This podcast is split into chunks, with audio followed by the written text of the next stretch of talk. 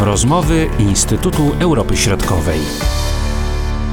Witam serdecznie naszych y, słuchaczy rozmów Instytutu Europy Środkowej. Ja się nazywam Marcin Superczyński i jest ze mną pani doktor Agata Tatarenko. Witam serdecznie. Bardzo dziękuję za zaproszenie. Witam pana, witam państwa. Będziemy rozmawiali o pierwszych działaniach, y, pierwszych posunięciach politycznych i nie tylko nowego prezydenta Czech Petra Pawla. Obserwowaliśmy kampanię wyborczą, jak ona przebiegała, kto głosował i dlaczego na nowego prezydenta, o tym już y, mówiliśmy y, wcześniej. A jak y, wyglądają w praktyce działania nowego prezydenta? Czy jest coś, co zaskakuje, czy raczej jest dokładnie to, o czym mówił w trakcie kampanii prezydenckiej? Przede wszystkim y, kalendarz Petra Pawła był y, wypełniony szeregiem y, spotkań i wizyt zagranicznych. Już właściwie w ciągu kilku dni po zaprzysiężeniu udał się z taką tradycyjną wizytą na Słowację, która mm, miała charakter jakby zgodnie z przewidywaniami. Następnie e, prezydent Petr Paweł e, przybył do Polski, co również zapowiedział w czasie swojej kampanii wyborczej i już po objęciu funkcji prezydenta. I kolejną wizytą była dwudniowa wizyta w Berlinie. To był również kierunek przewidywalny z tego powodu, że Niemcy są E, głównym e, partnerem e, handlowym Republiki Czeskiej.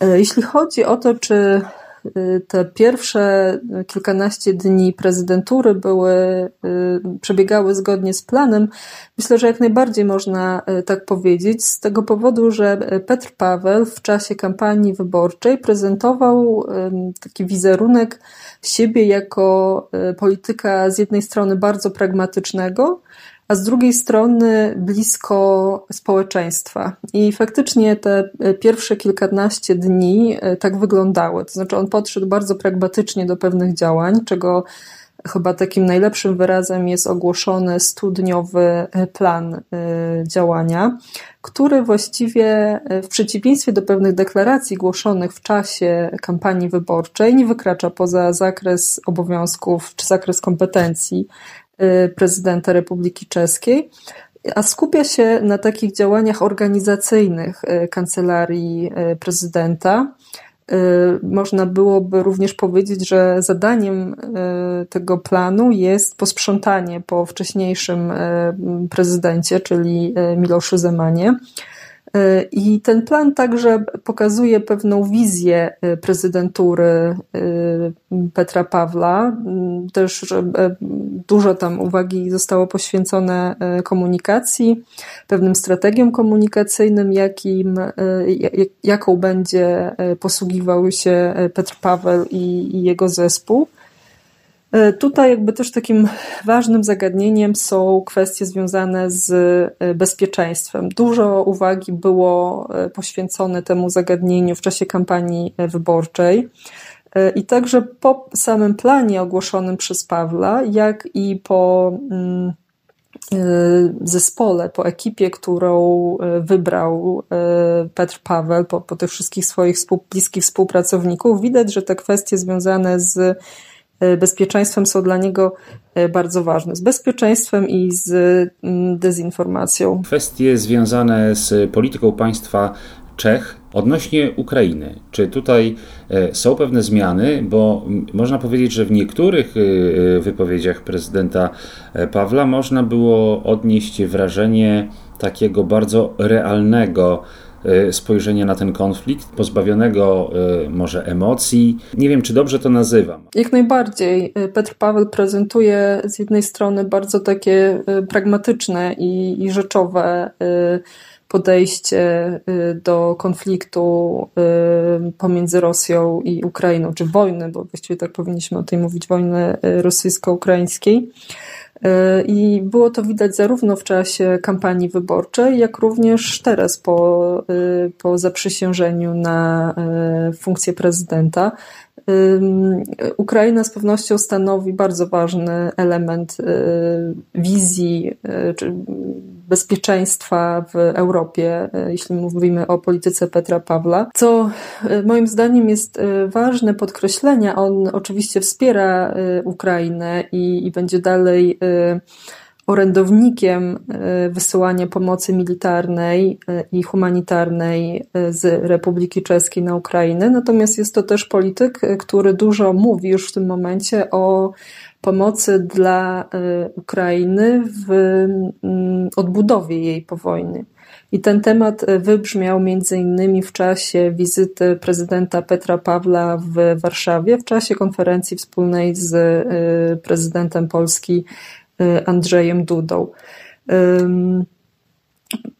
Więc y, z pewnością Ukraina stanowi y, jakby bardzo ważny element polityki Petra Pawła. On tutaj też stara się wykorzystać swoją pozycję nie tylko w Republice Czeskiej, ale też pewną pozycję, pewną rozpoznawalność, którą zdobył Y, w czasie kampanii dzięki temu, że był właśnie byłym generałem i właściwie ten wątek, y, czy, czy był generałem, że pracował w NATO y, i ten wątek często był podchwytywany przez różne zachodnie media, więc jakby to mm, pewne jego wypowiedzi na temat właśnie sytuacji na Ukrainie dodatkowo właśnie wzmacnia ten wizerunek wojskowego. Natomiast jeśli chodzi o tą pomoc wojskową dla Ukrainy, bo tutaj też pojawiały się takie wypowiedzi ze strony y, prezydenta, że te możliwości państwa czeskiego, y, nie przytoczę teraz dokładnie, ale że one się kończą, prawda?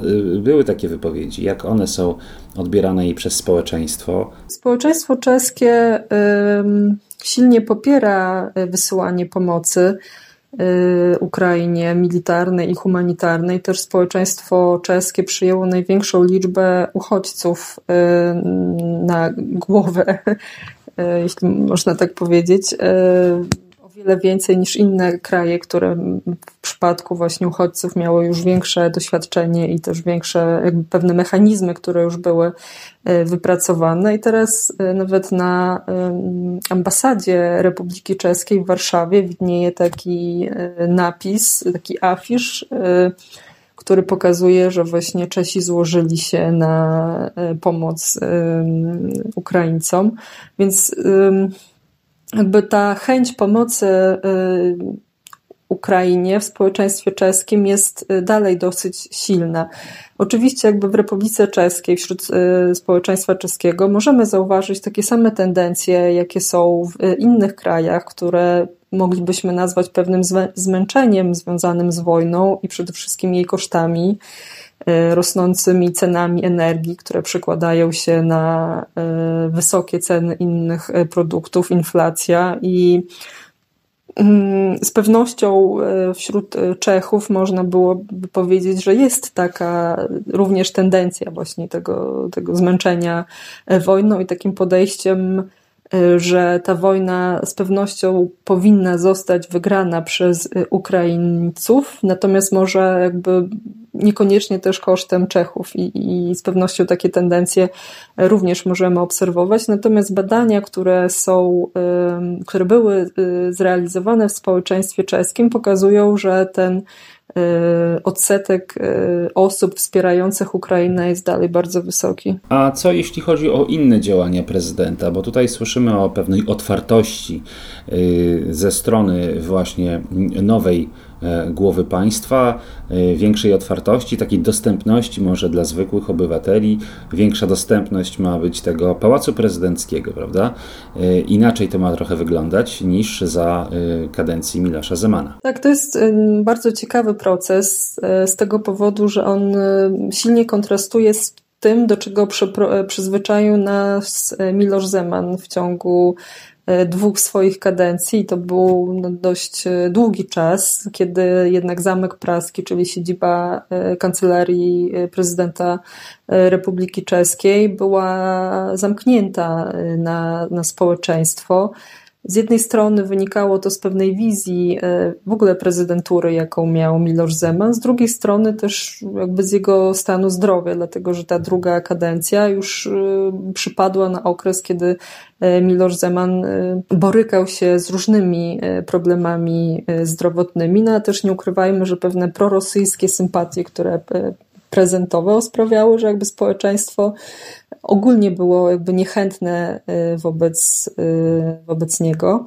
Y, Petr Paweł tymi krokami, które właściwie zapoczątkował bardzo szybko, bo nawet już po ogłoszeniu wyników wyborów, te działania były o wiele bardziej widoczne po zaprzysiężeniu na, na urząd prezydenta. On właściwie też w swoim planie bardzo dużo mówi o tej otwartości, o której wspomniałeś, o, o tym, żeby zamek praski zmieniał się był bardziej y, takim miejscem, gdzie mogą spotkać się przedstawiciele równy, różnych środowisk, czyli na przykład i y, partia rządząca i opozycja, ale także społeczeństwo, przedstawiciele społeczeństwa obywatelskiego, więc Petrowi E, Pawlowi jak najbardziej zależy na kształtowaniu dialogu pomiędzy różnymi członkami społeczeństwa, pomiędzy różnymi partiami politycznymi, więc ta otwartość z jednej strony może być rozumiana na takim, w, takim, w taki sposób jakby bardzo wąski pomiędzy, jako pewne działania mediacyjne pomiędzy politykami, natomiast E, Petr Paweł na to też patrzy po prostu z perspektywy takiej szerokiej, e, z uwzględnieniem e, społeczeństwa obywatelskiego. Tutaj dodatkowym takim elementem są aktywne działania jego rzeczniczki, która jest osobą młodą, bardzo aktywną, też nastawioną na taką komunikację według wzorca amerykańskiego. Y, Petr Paweł chce wprowadzić takie briefingi dla, dla dziennikarzy, które będą regularnie, on też za, regularnie organizowane. On też sam zapowiada, że w miarę możliwości będzie chciał w nich y, uczestniczyć. Jeśli śledzimy poczynania y, Petra Pawła w mediach społecznościowych, to też widać taką dużą otwartość na społeczeństwo i też taką bardzo przemyślaną e, strategię komunikacyjną, ponieważ on jest nie tylko bardzo otwarty, znaczy nie tylko bardzo aktywny na, e, na Twitterze, ale także na, w takich mediach społecznościowych jak na przykład Instagram, który już jest e, kierowany do zupełnie innego pokolenia, czyli jak do osób młodych przede wszystkim, trochę też jest nastawiony na taką komunikację obrazową, więc tam jest dużo, e, dużo zdjęć. Między innymi ostatnio pojawiło się zdjęcie z przedstawicielem e, UNICEF-u, Orlando Bloomem, który też regularnie jeździ do Ukrainy, więc widać tutaj ta, ta otwartość widoczna też jest w pewnej strategii komunikacyjnej. Może tylko a propos tego młodszego pokolenia, to dodam, że Petr Paweł wspólnie ze swoją rzeczniczką prasową mają zamiar docieranie do przedstawicieli młodego pokolenia także za pośrednictwem influencerów, youtuberów, czyli ludzi, którzy mają największy wpływ na, właśnie na, na, na te Y, młodsze pokolenie. Natomiast jeśli chodzi o te najbliższe plany, czy też decyzje polityczne, jakie może podejmować nowy prezydent, czego możemy się jeszcze spodziewać? Z pewnością można się spodziewać y, dalszego wspierania Ukrainy. Mówiliśmy już o tym trochę, natomiast nawet w trakcie wizyty w Polsce y, prezydent Petr Paweł wraz z małżonką udał się także do Rzeszowa, nie tylko do, do Warszawy, więc najprawdopodobniej też wkrótce uda się do Ukrainy. Też jakby wykonał wiele y, telefonów, wielokrotnie rozmawiał z Wołodymyrem Zeleńskim, więc mm, możemy się spodziewać tego, że w najbliższym czasie jednak uda się z wizytą do, do Kijowa. Z pewnością dalsze działania w zakresie bezpieczeństwa, organizacji pracy na zamku, tego również możemy się spodziewać, chociażby z tego powodu, że Petr Paweł zlecił kontrolę na Zamku Praskim i ta kontrola ma zostać e, zrealizowana przez czeską Najwyższą Izbę Kontroli. Ten raport ma zostać upubliczniony.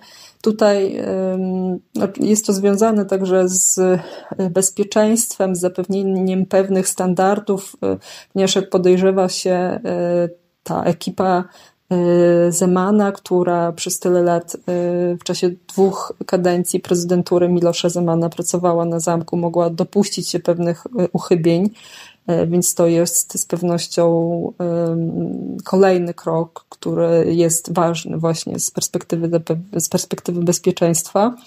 Wizyta w Niemczech, w Berlinie, która miała miejsce w okolicy 20 marca, w momencie jakoś uciekła mi dokładna data, e, także pokazuje, że Petr Paweł będzie z dystansem odnosił się do różnych formatów współpracy regionalnej, takich jak na przykład Grupa Wyszehradzka. Że ta jego wypowiedź o tym, że Niemcy powinny wziąć większą odpowiedzialność za politykę w perspektywie europejskiej, też pokazuje, że czy właściwie potwierdza, bo to mogliśmy o tym wnioskować już na podstawie składu tej grupy doradców, których powołał. Jego jakby silne zorientowanie raczej w stronę państw Zachodu, czyli Francji, przede wszystkim Niemiec i Brukseli, mówiąc tak już bardziej ogólnie. No czekamy na te właśnie najbliższe decyzje. No i za jakiś czas pewnie powrócimy do oceny e, prezydenta, jego tych pierwszych miesięcy sprawowania urzędu prezydenta Republiki Czeskiej. Bardzo dziękuję Agato za tę rozmowę. Dziękuję również. Były to rozmowy Instytutu Europy Środkowej.